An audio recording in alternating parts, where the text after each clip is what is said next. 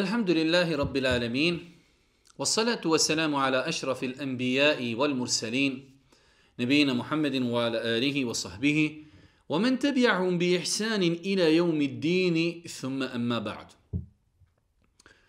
رب اشرح لي صدري ويسر لي أمري وهل العقدة من لساني يفقه قولي Doista svaka zahvala pripada uzvišenom Allahu tebareke ve ta'ala. Salavat mir i selam na Allahu poslanika, Allahu miljenika Muhammeda, alihi salatu wasalam, njegovu časnu porodcu, njegovu uzvrte ashabe i sve ljude koji slijede put istine do sudnjega dana. Uvažna braćo, poštovani sestre, uvaženi gledatelji. Evo nas u još jednoj emisiji u kojoj se družimo sa odabranim kuranskim ajetima. Hvala uzvišenom Allahu tebarake ve ta'ala. Večeras završavamo 27. džuz Kur'ana. Sura El Hadid je posljednja sura u 27. džuzu Kur'ana. Ostala su nam još tri džuza, 28. 29. i 30. džuz Kur'ana. Lagano se ovaj projekat, komentar odabranih ajeta iz Kur'ana privodi kraju. Večeras, evo kao što ste čuli, družimo se sa surom El Hadid. Doista, moram priznati, imao sam problema da odaberim koje ćemo ajete komentarisati i koje ćemo ajete, s kojim ćemo se ajetima večeras družiti. Sura El Hadid je 57. sura u Mushafu. Sura El Hadid je 57. sura u Mushafu, onako kako su sure poredane danas u Mushafu, a ona je 95. sura objavljena Božijem poslaniku. Jedna od možemo slobodno kazati, e, posljednjih sura koje su objavljene Božijem poslaniku, alihi salatu wassalam. Po mišljenju većinskog dijela učenjaka, a neki čak navodi konsenzus, ovo je sura medinska. Objavljena je u periodu Medine, iako ima znači razilaženje kod islamskih učenjaka, ali većina islamskih učenjaka mu fesira smatrala da je sura El Hadid objavljena, da je objavljena u Mekki. Ona je objavljena nakon sure Iza zulziletil ardu zilzaleha, a nakon nje je objavljena sura Muhammed ili sura El Qital. ima 29 ajeta. Sura El Hadid ima 29 ajeta. Ovim imenom El Hadid poznata je bila među ashabima od vremena Božijeg poslanika, alihi salatu wasalam.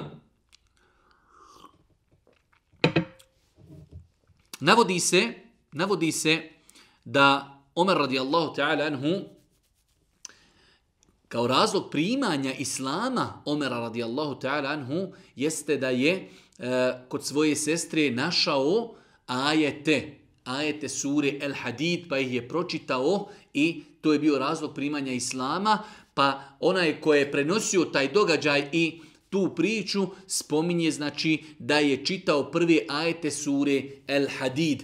Pa je znači ta sura bila poznata među ashabima za vrijeme Božih poslanika pod tim imenom. Svakako dobila je ime po tome što se El Hadid, željez, gvožđe, spominje u jednom ajetu gdje uzvišeni Allah subhanahu wa ta'ala kaže لَقَدْ أَنْزَلْنَا الْحَدِيدَ فِيهِ بَأْسٌ شَدِيد Mi smo spustili, mi smo stvorili željez, čelik. U njemu je, u njemu je velika snaga i mnoga korist ljudima. Pa znači ta riječ El Hadid, željez ili čelik, spomenuta je u ovoj suri zbog toga ona i dobila ovo ime. Rekli smo mnogo puta da postoji velike razlike u objavi medinskoj i mekanskoj. Period Mekke muslimani su bili ugroženi, početak objavi, dokazivanje ljudima, vjerovanje u Allaha, vjerovanje u sudnji dan, polaganje računa, proživljenje, znači većina mekanske objave govori o tome, o sudnjem danu, o Allahu, dokazima koji potvrđuju e, znači njegovo gospodarstvo i tako dalje. Za razliku od Medine, gdje se već tretiraju drugačije teme, pa sura El Hadid, primjera radi, govori o tome da sva stvorenja veličaju uzvišenog Allaha, govori o Allahovim imenima i svojstvima, govori da je Kur'an put upute, put spasa, govori i podstiče na udjeljivanje na Allahu subhanu wa ta'ala putu, govori o dvije kategorije ljudi, o vjernicima i o licemjerima, jer smo rekli da se licemjerstvo pojavilo u Medini. U Mekki nije bilo potrebe za licemjerstvom. Niko nije za sebe htio kazati ja sam musliman, a on to nije. Zato što je trebao da bude spreman, da bude izložen različitim torturama zbog svoje pripadnosti islamu. U Medini kada kažeš ja sam musliman, imao si privilegije. Pa su ljudi, neki licemiri, za sebe govorili ja sam musliman, a u osnovi je bio licemir. Pa uzvišeni Allah u suri Al-Hadid govori o dvije kategorije ljudi, licemiri, muslimani, i to mi je kako će doći do razdvajanja licemjera od vjernika na sudnjem danu.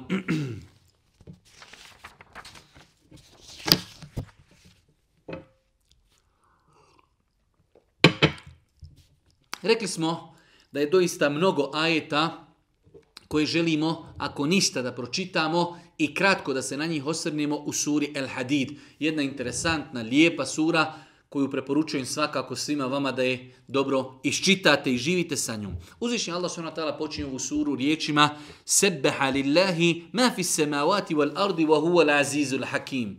Lehu mulku samavati wal ard yuhyi wa yumitu وهو على كل شيء قدير هو الأول والآخر والظاهر والباطن وهو بكل شيء عليم Tri prva ajeta koji govori o Allahu tebareke wa ta'ala, kaže uzvišeni Allah, Allaha hvali sve što je na nebesima i na zemlji. Allahu ekber. Allaha hvali sve što je na nebesima i zemlji. Mi to ne razumijemo, mi to ne vidimo, ali Allaha sve veliča. Osim taj insan i džini i ljudi imaju slobodnu volju, hoće li vjerovati, neće li vjerovati, hoće li veličati Allaha ili će ga vrijeđati i psovati, to je jedina mogućnost koja je ostavljena ljudima i džina. Ljudima i džinima. Pa kaže uzvišeni Allah, Allaha hvali sve što je na nebesima i na zemlji. I on je silni i mudri. Njegova je vlast na nebesima i na zemlji.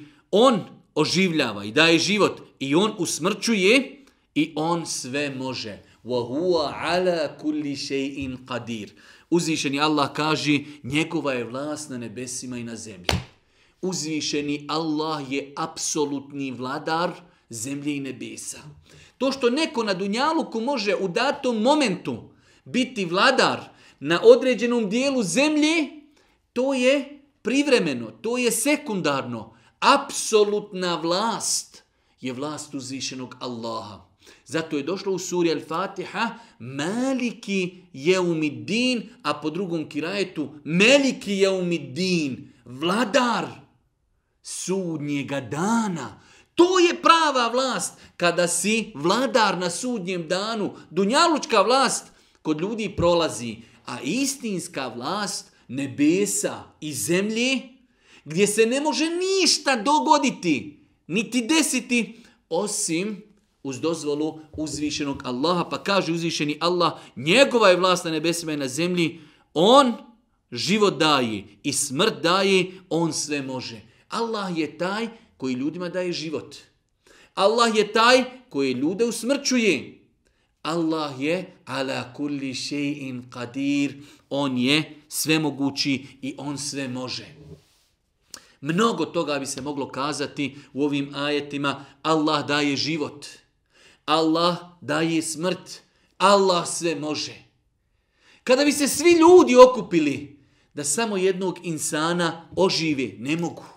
Kada bi se svi ljudi okupili da samo jednog insana usmrte, ne mogu ako to Allah nije propisao. وَهُوَ عَلَى كُلِّ شَيْءٍ قَدِيرٍ On sve može. On je sve mogući. Kada želi nešto, samo kaže kun, fe je kun, budi ono bude. Blago se vjerniku, blago se insanu koji istinski spozna svog gospodara. Koji spozna njegovu veličinu, koji spozna njegovo znanje, koji spozna njegovu snagu, njegovu uzvišenost, njegovu veličanstvenost. Wa huwa ala kulli shay'in qadir. On je sve mogući. Imaš gospodara koji je sve mogući. Njega voli. Zbog njega voli Na njega se oslanjaj, u njega vjeruj, njemu vjeruj. Živjet ćeš sretno i zadovoljno. Vjeruj u Allaha i vjeruj Allahu. Na njega se oslanjaj. Njemu dove upućuj, od njega traži, od njega moli. On je sveznajući, on je svemogući. وَهُوَ عَلَى كُلِّ شَيْءٍ قَدِيرٍ I živjet ćeš sretno i zadovoljno i spokojno, jer svoje srce vezuješ za stvoritelja zemlje i nebesa. Kaže uzvišeni Allah u, ovi, u ovom sljedećem ajetu trećim, spomenuta su četiri imena uzvišenog Allaha koja nisu spomenuta u Koranu nigdje osim ovom ajetu. Huwa al-awwal wal-akhir wal-zahir wal-batin. Wa huwa bi kulli shay'in alim. On je prvi, on je i posljednji. On je vidljiv i očit i on je nevidljiv skriven i on sve zna. Uzvišeni Allah ima lijepa imena i svojstva koja su apsolutno savršena. Mi ljudi možemo imati određeno ime, određeno svojstvo, ali je to sve ograničeno. Mi vidimo kilometar i po dva, mi čujemo 300 metara, uzvišeni Allah, njegov vid je sveobuhvatan, njegov sluh je sveobuhvatan, njegovo znanje je sveobuhvatno. Pa kaže, huval awwal, on je prvi, wal ahir i zadnji, wa zahir i on je posljednji, odnosno on je očit, wa huwa al batin, on je skriven, wa huwa bi kulli shay'in alim, on sve zna. Šta to znači da je on prvi? Postojao je prije svih stvorenja. On nema početka. On je prvi sa svim svojim svojstvima. On je prvi. On je prvi i on je onaj koji nema svog početka. El ahir. Kako je prevedeno? Posljednji. Ostaje nakon svih svojih stvorenja. On kraja nema. Njemu se sve svraća. On je odredio da sve ima kraj. Subhanallah il azim, jesmo li razmišljali o ovim značenjima? Kažu mu Fesiri, on ostaje nakon stvorenja svojih. On nema kraja. Njemu se sve vraća. On je odredio da sve stvari na Dunjaluku imaju kraj. Osim on, subhanahu wa ta'ala. On je avvahir wal batin. On je očit. Na kojeg ukazuju mnogobrojni znaci. On je pomagat svojih robova. Očit u snazi i moći. Visoko iznad stvorenja, iznad svakog oholnika. Zna sve vidljivo i nevidljivo. Allahu ekber. Poslušajte samo značenje jednog Allahovog subhanahu wa ta'ala imena Al-Zahir. A to je očit na kojeg ukazuju mnogobrojni dokazi i znaci, pomagati svojim robovima, očitu snazi i moći, visoko iznad stvorenja, iznad svakog oholnika, zna sve vidljivo i nevidljivo. I četvrto ime, kaže uzvišeni Allah, huval al-awwal wal-akhiru wal-zahiru wal-batin, batin skriveni. Skriven od pogleda koji se ne može pojmiti, koji poznaje suštinu svega što postoji, sve nadzire, sve znajući stvoritelj nevidljivog. Allahu akbar. Jedno ime koliko široka značenja nosi.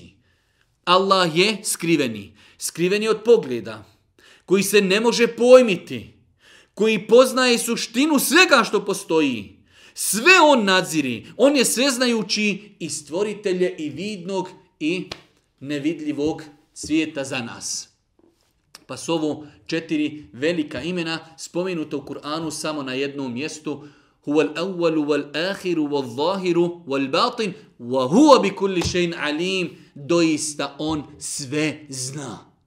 Kada insan svati i vjeruje da uzvišeni Allah sve zna, razrahati će se.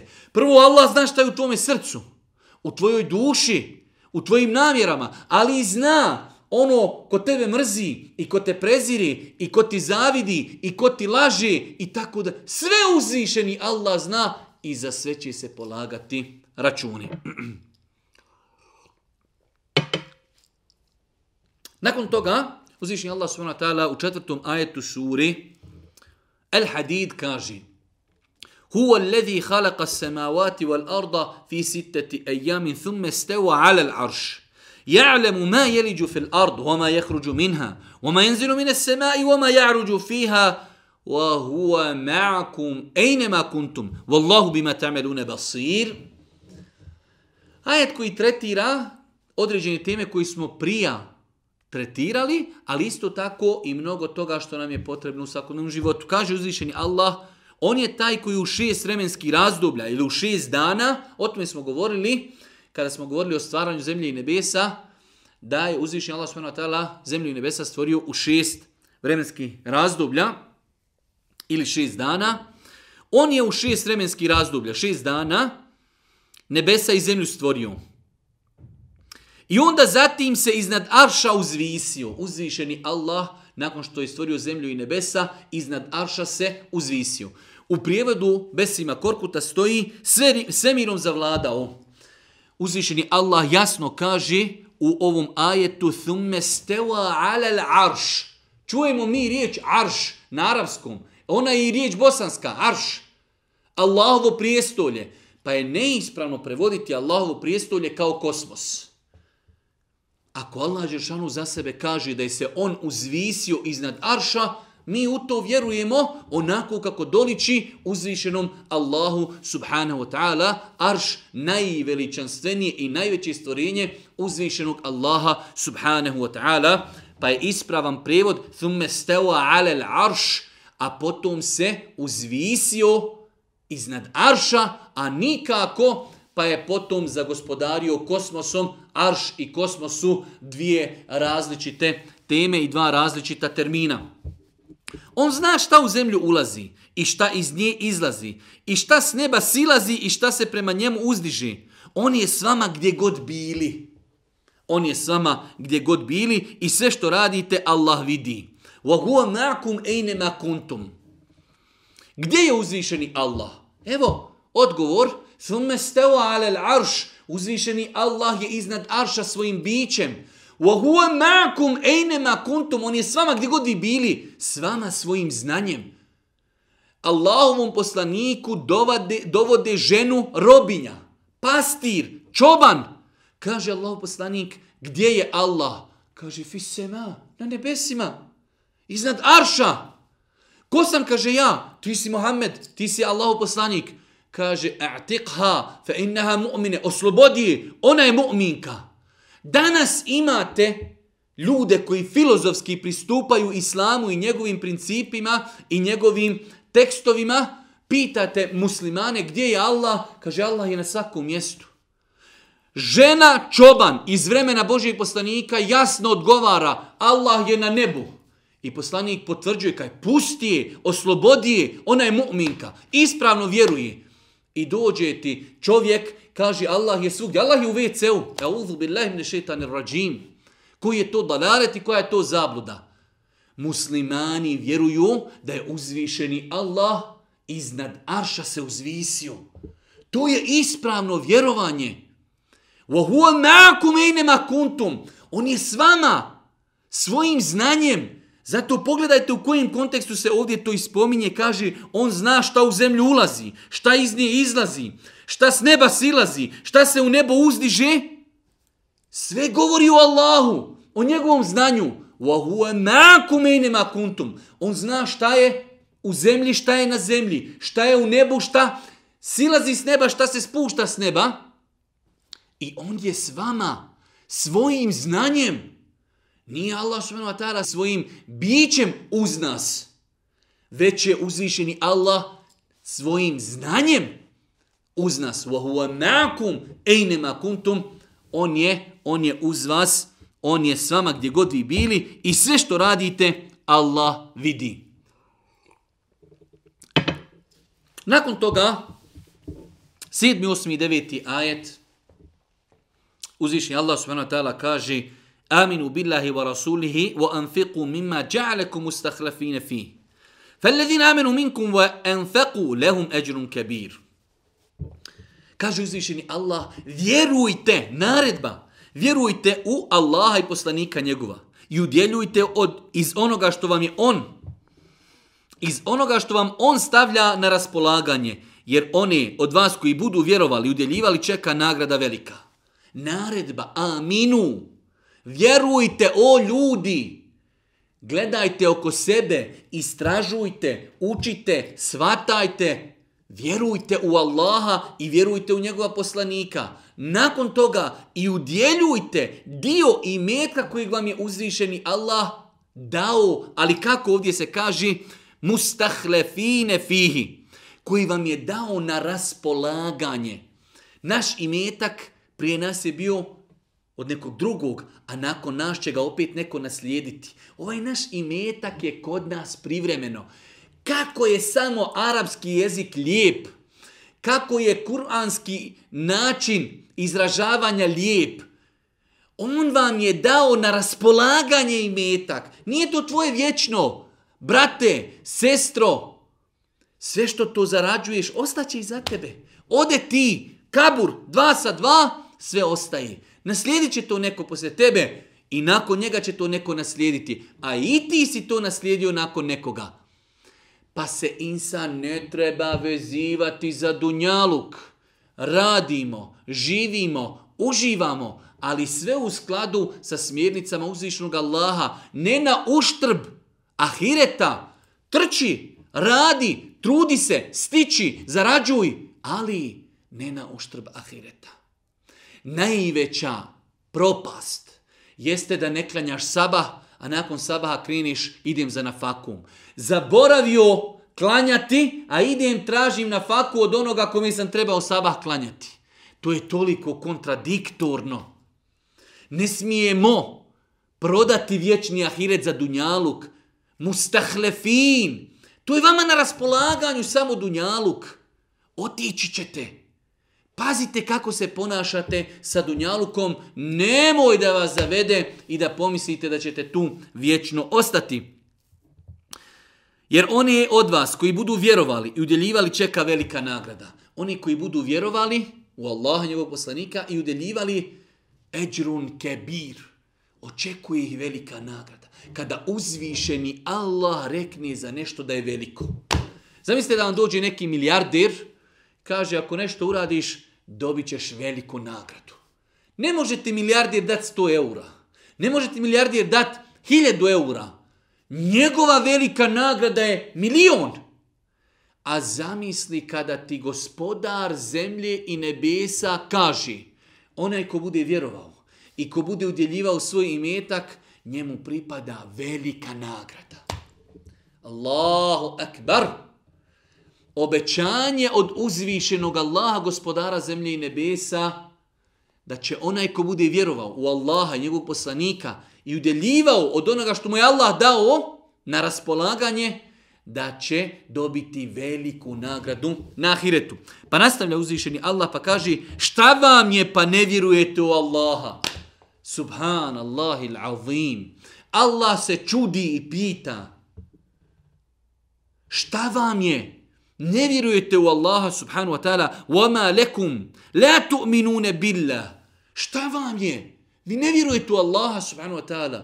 Zar možete, pored tolikih dokaza u vama samima, zemlja, nebesa, zvijezde, rijeke, mora, planine, vulkani, nauka potvrđuje islam, وَمَا لَكُمْ لَا تُؤْمِنُونَ بِاللَّهِ Šta vam je? Je li moguće da ne vjerujete u Boga?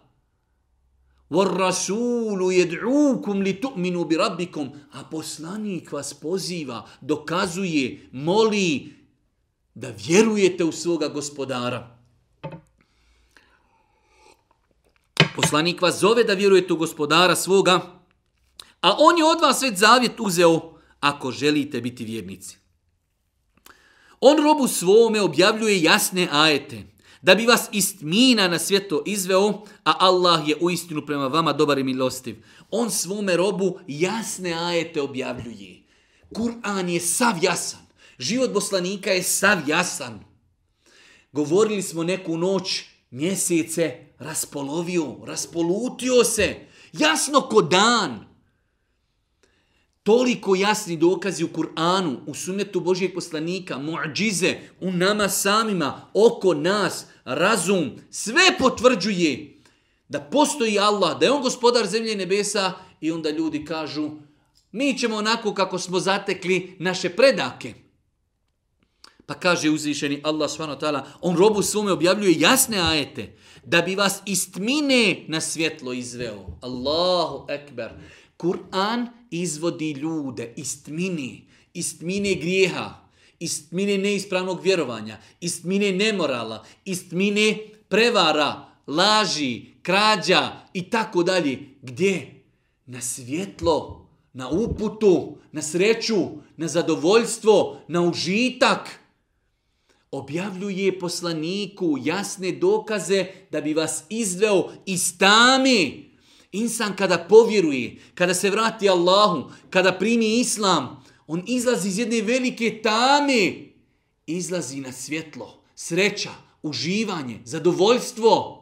Allahu akbar. Kako i na koji način nam uzvišeni Allah pojašnjava da je uputa svjetlost, da je uputa nur koji čovjeku koji čovjeku osijava, osvjetljava put njegovog dunjalučkog života.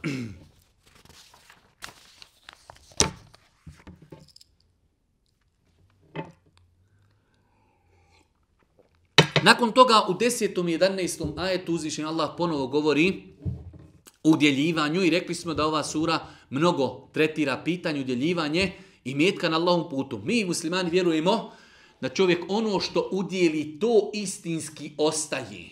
Jedne prilike Allah poslanik je zaklao ovcu i podijelili su sve, ostala je samo plečka.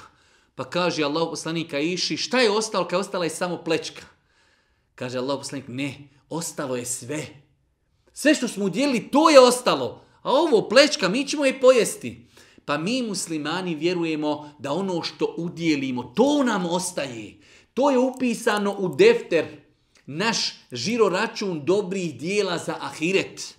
Zato ovdje uzvišeni Allah čudi se ponovo pa kaže وَمَا لَكُمْ وَمَا لَكُمْ أَلَّا تُنْفِقُوا فِي سَبِيلِ اللَّهِ I šta vam je pa odbijate da trošite na Allahovom putu? Šta vam je? Ne može uzvišeni Allah se čudi. Šta vam je o ljudi? Vi ne udjeljujete na Allahovom putu. Allah poslani kaže u redostornom hadisu svakim danom siđu dva meleka sa neba.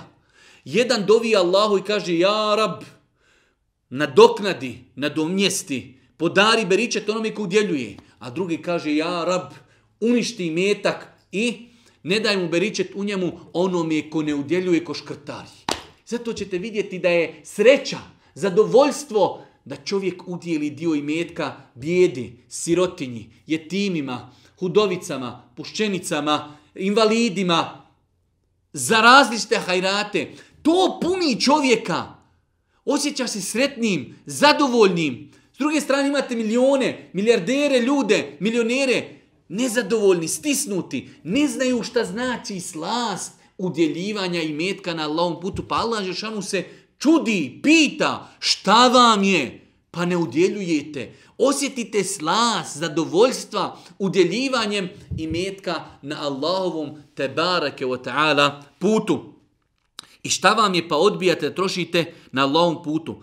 Kada će Allah nebesa i zemlju naslijediti, nisu jednaki među vama oni koji su davali prije osvaja, osvajanja Meki i lično se borili.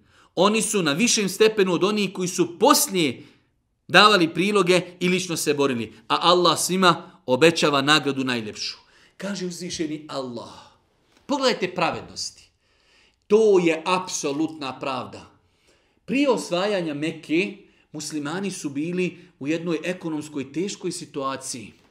Pa kaže uzvišeni Allah, a kod njega je apsolutna pravda, nisu isti oni koji su udjeljivali kada Islam bio potreban i borili se svojim životima i oni koji su udjeljivali kada se mu Islam proširio, kada je bilo blagostanje, kada je bilo i metka. وَكُلَّمْ وَعَدَ اللَّهُ الْحُسْنَ Allah je svima, kaže, pripremio dobru nagradu. Ali nisu isti. I zato, braćo moja draga, ovaj, hadi, ovaj dio ajeta nas uči na vrednovanje oni koji su nas pretekli u nekom hajru. Imate danas omladinaca, pokaj se Allahu, klanja 15 dana, mjesec, dva, tri, I on bi preko noći da pretekne ljude koji su 60 godina u islamu, 60 godina klanjaju, 60 godina udjeljuju, 60 godina posti, 60 godina teravijama, 60 godina na džumama, 60 godina sadekatul fitr, 60 godina kurbana. I ja bi odjedno to preskoči. Ne može. Ljuti se koliko god hoćeš. Nije mi pravo. Ljuti se koliko god hoćeš. Nisu isti. Nisu isti oni koji su udjeljivali kada je bila velika potreba i oni koji udjeljuju kada svi metak imaju. وَكُلَّ وَعَدَ اللَّهُ الْحُسْنَ Allah je svima i prvima i drugima pripremio dobru nagradu. Ali nisu isti. Nemoguće da budu isti. Isto vam je sa znanjem. Imamo ljude koji 10 godina, 15 godina, 20 godina na čitabima uči, čita. I dođe čovjek koji juče počeo čitati, ja se ne slažem s vama. Men taj nije propis. Halo, lagano, prvi razred i polako dok dođeš, dok dođeš do srednje škole, do fakulteta, pa imaš pravo da govoriš. Pa nas ovaj ajet uči da ljude vrednujemo po njihovim, po njihovim zaslugama. A Allah svima obećava nagradu najljepšu. Allah dobro zna ono što radite. Ko će Allahu, drage volje, zajam dati da bi mu ga on mnogostruko vratio, a usto i nagradu plemenitu dobio? Ko je taj ko će Allahu zajam dati? Subhanallah. Je li Allah potreba naših zajma? Gdje mi možemo Allahu dati zajam? Allah je gospodar zemlje i nebesa. El ganij. Apsolutno neovisan. Ali je to način način obraćanja, ko će pomoći vjeru, ko će udjeliti na Allahovom putu, na taj način on daje Allahu zajam, a Allah će mu to mnogostruko vratiti. Ko udjeli nešto, Allah će to njemu vratiti na dunjaluku sa svim nagradama koje ga čekaju na ahiretu. Čovjek će biti u hladu svoje sadake na sudnjem danu pa što više udjeljivati, što više, što više udjeljivati na Allahom putu, sadaka, zapamtite, sadaka ne može umanjiti imetak kao što je potvrđeno. Ne može. Ne može sadaka umanjiti metak, makar prividno kada od 100 maraka dadneš 10, ona ih je umanjila, ali će to Allah nadomjestiti. Ili povećanjem imetka, ili povećanjem blagoslova i beričeta u onome što je ostalo od imetka.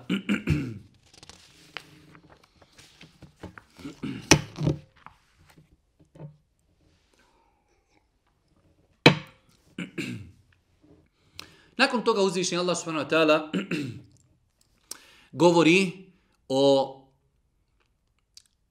momentu kada će ljudi biti u jednoj velikoj tami na sudnjem danu, kada budu trebali prijeći preko sira čuprije, A sve do tada će biti licemjeri i muslimani zajedno. Ljudi će se dijeliti u dvije kategorije, muslimani i nevjernici. Licemjeri koji na Dunjaluku, oni će se šlepati uz muslimane. Pa je došlo vrijeme da se razotkriju. Pa će uzvišeni Allah dati muslimanima da će ispred njih i pored njih ići svjetlo shodno jačini njihovog imana, a licemjeri će se tada razotkriti pa će oni i dalje htjeti da se malo prišlepaju uz vjernike. Pa ćemo vidjeti kako će uzvišeni Allah razdvojiti između licemjera i vjernika. Kaže uzvišeni Allah. Na dan kada će licemjeri i licemjerke vjernicima govoriti, pričekajte nas da se svjetlom vašim poslužimo. Treba prijeći preko sira čuprije, noć, mrak, ne vidimo. Vjernici shodno svom imanu, svjetlost oko njih. Kažu, pričekajte nas, daj da se malo prišlepamo, samo da pređemo preko sira čuprije. Ha, da čujemo odgovor. Vratite se natrag, pa drugo svjetlo potražite. Vi ste na Dunjaluku petljali, varali, uz muslimane se, uz muslimane se prislanjali. Idite vi ako ste bili vjernici i vi ćete imati svoje svjetlo. Allah je apsolutno pravedan. Vratite se natrag, pa drugo svjetlo potražite, reći će im vjernici i između njih će se pregrada postaviti, koja će vrata imati. Unutar njih, unutar nje bit će milost, a iza nje patnja. Zar nismo bili s vama? Dozivaći, jeste, odgovorići, ali ste se licem jerču svojom upropastili, iščekivali ste i sumnjali ste i puste želje su vas zavarale dok nije došla Allahova odredba, a šetan vas je o Allahu obmanuo. Subhanallah, subhanallah. Kaže uzvišeni Allah, وَضُرِبَ بَيْنَهُمْ بِسُورِ لَهُ بَابِ Između njih će se udariti, postavit će se pregrada, sur, kao zid. Licemjeri na jednoj strani, s druge strane vjernici. S ove strane rahmet, milost, uživanje. S druge strane azab, patnja. Pa će početi dok je još friško, dozivaju. Elem nekum meakum. Pa zar nismo sama bili? Mi na Dunjalu koju u džamiju smo dolazili. La ilaha illallah, ali srce, iman, vjera u Allaha. Zato kažu učenjaci, licemjeri, kada muslimani napreduju, njima je teško. Kada muslimani budu poraženi ili kada imaju musibete, oni se raduju. Elem nekum nakum, zar nismo bili s vama? Jeste, jeste bili s nama, ali iz vas je uništilo vaše pretvaranje. Niste bili iskreni, lagali ste, sumnjali ste. Očekivali ste da muslimani budu poraženi. Pa kaže uzvišeni Allah subhanahu wa ta'ala وَلَكِنَّكُمْ فَتَنْتُمْ أَنْفُسَكُمْ وَتَرَبَّسْتُمْ وَرْتَبْتُمْ وَغَرَّتْكُمُ الْأَمَانِجِ Želje su vas zavarale. Želje. Oni da im je dunjaluka, da im je uživanja, da im je lažnog pretvaranja, pa vas je, kaže, licemjerstvo vaše, pa vas je licemjerstvo vaše uništilo dok nije došla Allahova odredba, a šetan vas je o Allahu obmanju. Nikakva otkupnina se danas od vas neće primiti, ani od onih koji nisu vjerovali. Nema danas te otkupnine koju vi možete dati da se spasite azaba. Danas radiš za 30 eura, za 100 eura ostaviš namaz. Na sudnjem danu, kaže Allah Žešanu, danas se ne prima nikakav otkup. Jesi li klanju ili nisi, ne znamo. Ali to zbog čega si ostavio namaz danas ti ne koristi. Danas licemjerima i nevjernicima nikakav se otkup neće uzimati u obzir. Pa kaže, nikakav otkup se danas od vas neće primiti. A ni od onih koji nisu vjerovali. Vatra će biti prebivalište vaše. Ona baš vama odgovara, a užasno je ona boravište da se insan ne zavara. Pa kaj pa dobro, ja sam na Dunjaluku, snalažljiv sam ja bio, snaću se ja i na Hiretu. Tamo, kada bi insan imao Dunjaluk, wa mithlehu ma'hu, i još, još jednom toliko kao Dunjaluk, neće se moći iskupiti od patnji ako bude zaslužio patnju. Pa nas ovaj ajet upozorava. Govori nam kako će doći do razotkrivanja licemira na sudnjem danu, da će vjernici, Allah će ih počastiti, da će imati svjetlost bejne ejdihim, da će ispred njih, s njihove desne strane, imat će svjetlost, a licemjeri će ostati u mraku. Sačekajte da i mi budemo s vama. Ne, ne, ne, ne. Idite vi, tražite vi na drugom mjestu svoju svjetlost, pa će Allah dati da se između njih postavi pregrada, s jedne strane, s jedne strane uživanje tamo gdje su mu'mini, s druge strane azab i patnja tamo gdje su licemjeri.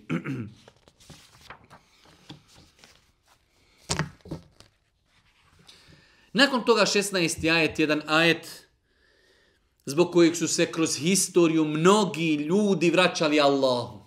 Iako je taj ajet teško i prevesti na bosanskom, kaže uzvišeni Allah, Elem je'ni lillezine amenu en tahše'a kulubuhum li zikri Allahi, wama nezele min al haq. ولا يكونوا كالذين اوتوا الكتاب من قبل فطال عليهم الامد فقست قلوبهم وكثير منهم فاسقون zar nije vrijeme da se vjernicima srca smekšaju kad se Allah i istina koja se objavljuje objavljuje spomenu Zar nije vrijeme, brate, sestro, muslimanu, sestro muslimanko, zar nije vrijeme da se naša srca razmekšaju? Kada se spomeni Allah, kada se spomenu propisi, kada se spomene džehennem, kada se spomene džennet, kada se spomeni Allahu poslanik, kada se spomeni naredba, kada se spomeni zabrana, ألم يأني للذين آمنوا أن تخشع قلوبهم Zar nije vrijeme da se vjernicima smrca, srca smekšaju kada se Allah i istina koja se objavljuje spomene? Zar nije vrijeme, braćo moja draga, da se naša srca smekšaju, da prihvatimo? Mi evo na Facebooku objavimo kamata haram, pa što, pa kako, pa gdje, pa ja, pa Evropa, pa moram? I tako dalje.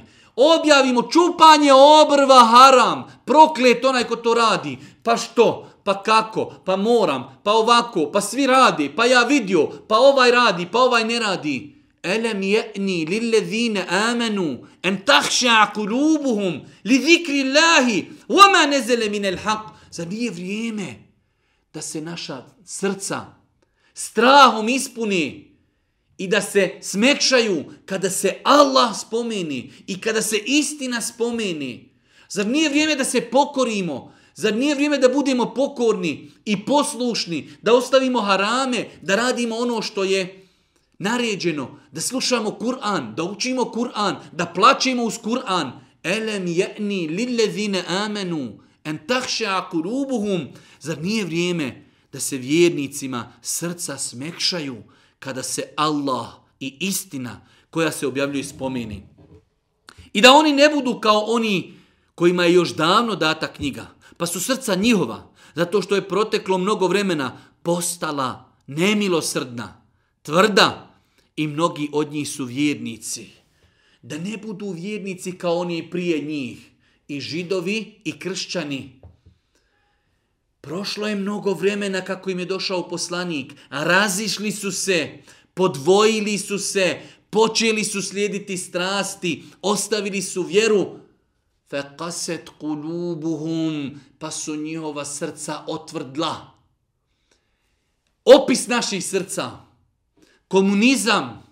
Odaljili se od vjeri odaljili se od Kur'ana od sunneta od arapskog jezika od izučavanja od nauke od namaza faqaset qulubuhum pa im srca postanu gruba ne prihvataju istinu Ljudima pojasniš propis jasan ko dan. 500 komentara. A zašto? A Evropa? A jesmo u sedmom stoljeću? Kameno doba? To ne može. Zašto? I tako dalje. Fekaset kulubuhum. Srca im postala tvrda, gruba, ne prihvataju, ne stide se, ne boje se uzvišenog Allaha subhanahu wa ta'ala. Nakon toga, uzvišen Allah subhanahu wa ta'ala navodi u jednom ajetu primjer Dunjaluka. Kako je Dunjaluk? Primjer Dunjaluka je primjer biljke koja niče iz zemlje. Insan koji naiđe, zadivi ga ljepota tog bilja, šareno, lijepo, svježe. Šta dolazi nakon toga? Stari postaje, znači, jednostavno Dolazi vrijeme nestanka, žuti, stari, sruši se, e to je pitanje Dunjaluka. Živiš, rađaš se, mlad, snaga, starost, smrt, odeš sa Dunjaluka. Pa je primjer Dunjaluka, primjer bilja kojeg vidimo oko sebe. Mlado, lijepo, šareno, cvijeće, sutra dođeš uvehlo, preko straga nema. E to je primjer Dunjaluka. Pa kaže uzvišeni Allah, Znajte da život na ovom svijetu nije ništa drugo do igra i razonuda. I uljepšavanje, međusobno hvalisanje, nadmetanje mjecima i brojem djeci. Primjer za to je bilje, čiji rast poslije kiše oduševlja, oduševljava nevjernika. Za ono zatim buja, ali ga poslije vidiš požutjela da bi se na kraju skršilo. A na onome svijetu teška patnja i Allahu oprosti zadovoljstvo. Život na ovom svijetu je samo varljivo naslađivanje. Allah Žešanu upoređuje Dunjaluk sa biljem, poslije kiše izrasta, cvate, mi mu se divimo, lijepo, nakon toga uvehni, nestaje. Ali kaže uzvišeni Allah subhanahu wa ta'ala, وَفِي الْآخِرَةِ عَذَابٌ شَدِيدٌ وَمَغْفِرَةٌ مِنَ اللَّهِ وَرِدْوَانٌ A na sudnjem danu imat ćete priliku ili da budete kažnjeni ili da uživate u Allahovom oprostu i njegovoj milosti. Pazite, pazite. Samo imaju dvije opcije. Allahova kazna i Allahova milost i rahmet i uživanje. Kako se postiže milost? Postiže se pokornošću, zikrullahom, Kur'anom, namazom, iskrenošću. Kako se postiže azab? Grijesima, licemjerstvom, nepokornošću, varanjem i tako dalje. O fil ahirati azabun šedid, o magfiratu min Allahi wa ridvan. A na ahiretu, nakon ovog dunjaluka koji je primjer kao primjer bilja, imamo dvije opcije. Imamo azabun šedid, žestoka patnja, i imamo magfiratu min Allahi wa ridvan. Imamo Allahov oprosti njegova milost. وَمَا الْحَيَاتُ الدُّنْيَا إِلَّا مَتَاعُ الْغُرُورِ. Život na ovom svijetu je samo varljivo naslađivanje. وَمَا الْحَيَاتُ الدُّنْيَا إِلَّا مَتَاعُ الْغُرُورِ. Život na ovom svijetu je varljivo naslađivanje. Ubiše nas društvene mreže. Pogledaš po svijetu, ljudi uživaju. To su jahte, to su filmovi, to su sportovi, to su milioni, to su auta. Varljivo naslađivanje.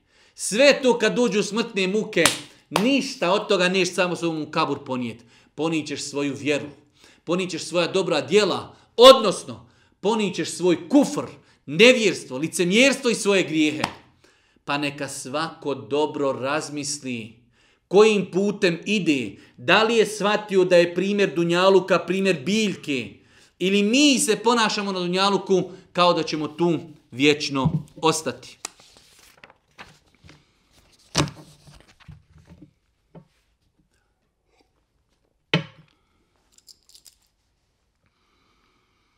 Nakon toga, uzvišnji Allah s.w.t. u 21.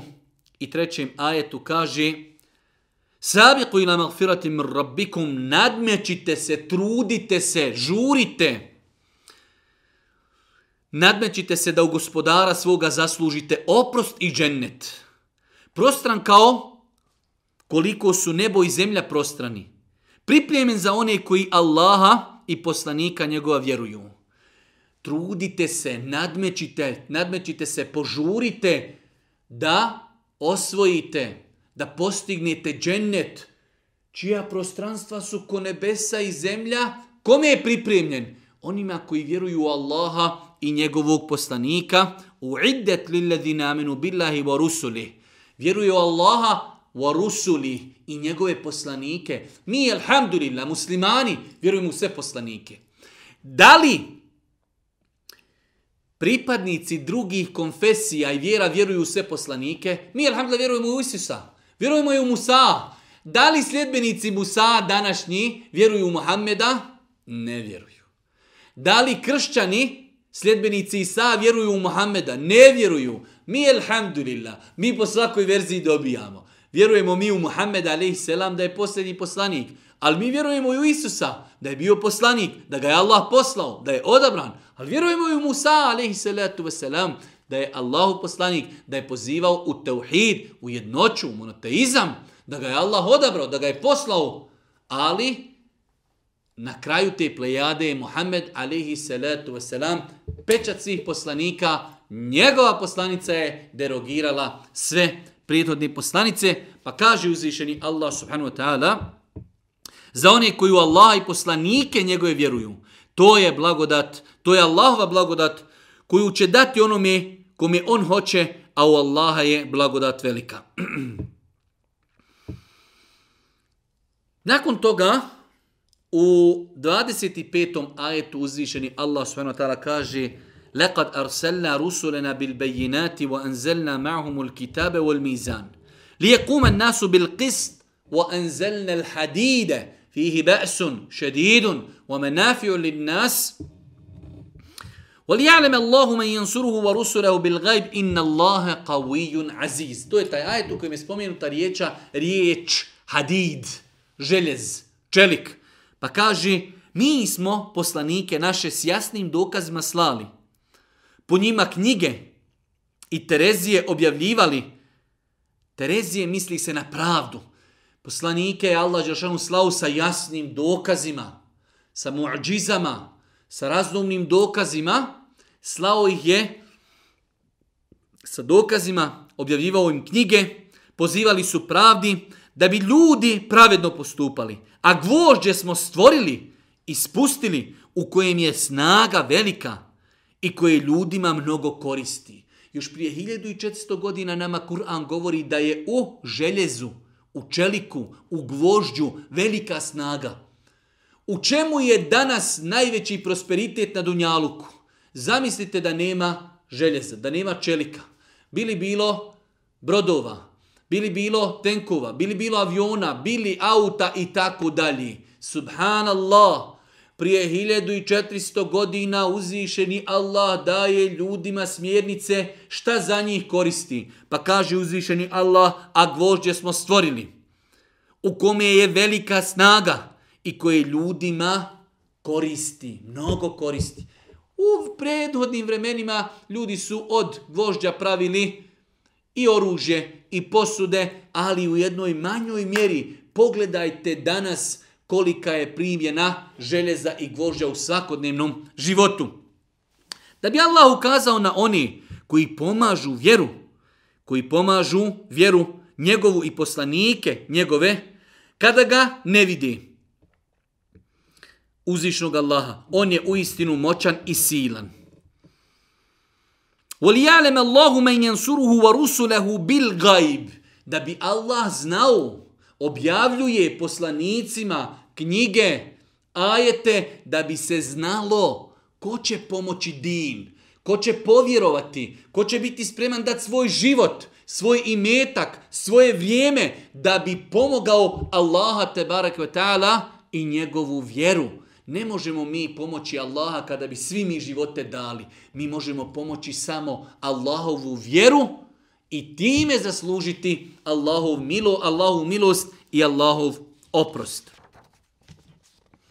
I na kraju dva posljednja ajeta kojima uzvišenje Allah subhanahu wa ta'ala završava ovu e, plemenitu suru. Ja ih ladina amenu taku Allahe wa aminu bi rasulihi ju'tikum kifleni mir rahmete. Wa jeđal lekum nuran temšune bih wa jagfir lekum wallahu gafuru rahim li alla ja'lam ahlu kitabi. Alla yaqdiruna ala shay min fadlillah. Wa anna al fadla bi yadi Allahi yu'tihi man yasha'u wallahu dhul fadlil azim.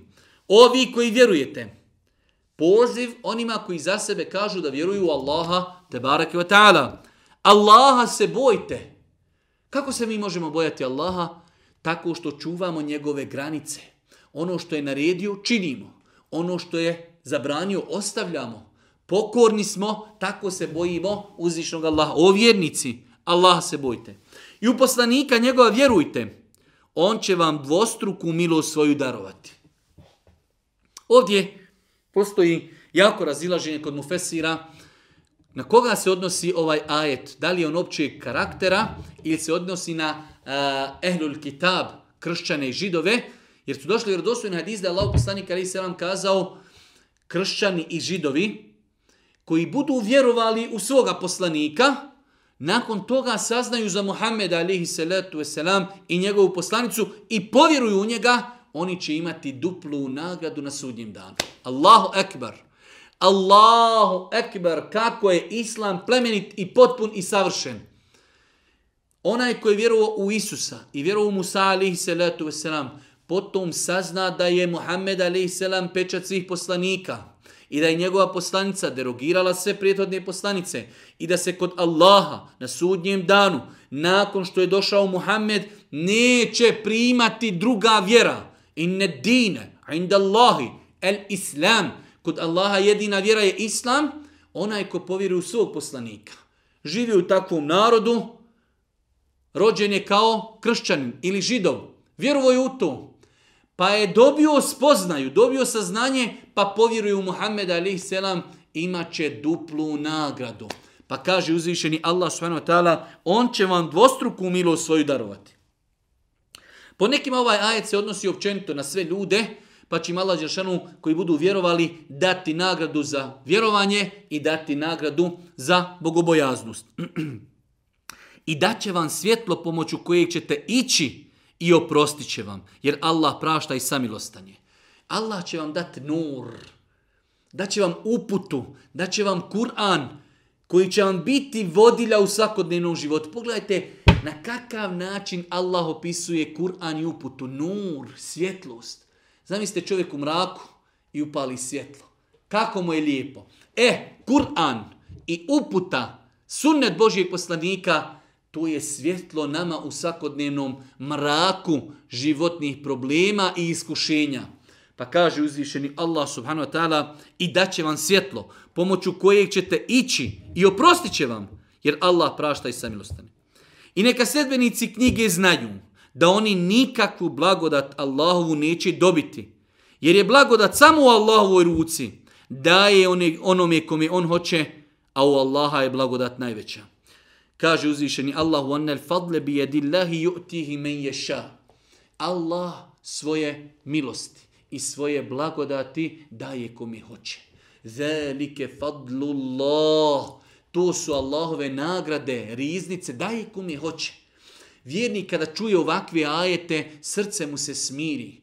Što je onaj bogatiji od mene? Što je onaj ljepši od mene? Što je onaj ugledniji od mene? Što ona ima više djeci? Što ona ima više imetka? Što ona ima više znanja? Što je onaj ljepšeg ponašanja? I tako dalje. Velike fadlullah.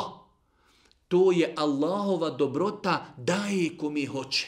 Kom je Allah dadne više blagodati, više će odgovarat.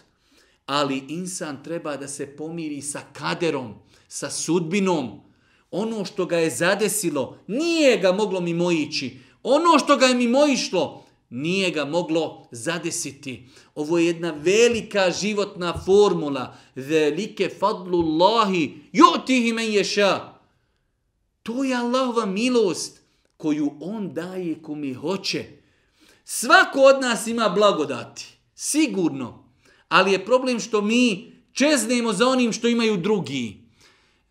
Wallahu dhul fadlil azim, kaže uzvišeni Allah, a u Allaha je blagodat najveća. Ako već tražiš blagodati, onda je traži od uzvišenog Allaha, svoje srce vezuj za Allaha, moli, traži od njega, njegove riznice su nepresušne. Molim uzvišnog Allah subhanahu wa ta'ala da nas učisti na putu istine, molim ga subhanahu wa ta'ala da nas poduči korisnom znanju, molim ga subhanahu wa ta'ala da nam oprosti grijehe nama i našim potomcima i našim roditeljima. Molim ga subhanahu wa ta'ala da nam bude milosti na sudnjem danu i na kraju. Subhaneke, Allahumma da bihamdike, ešhedu an la ilaha illa ente stagfiruke, wa etubu ilaik.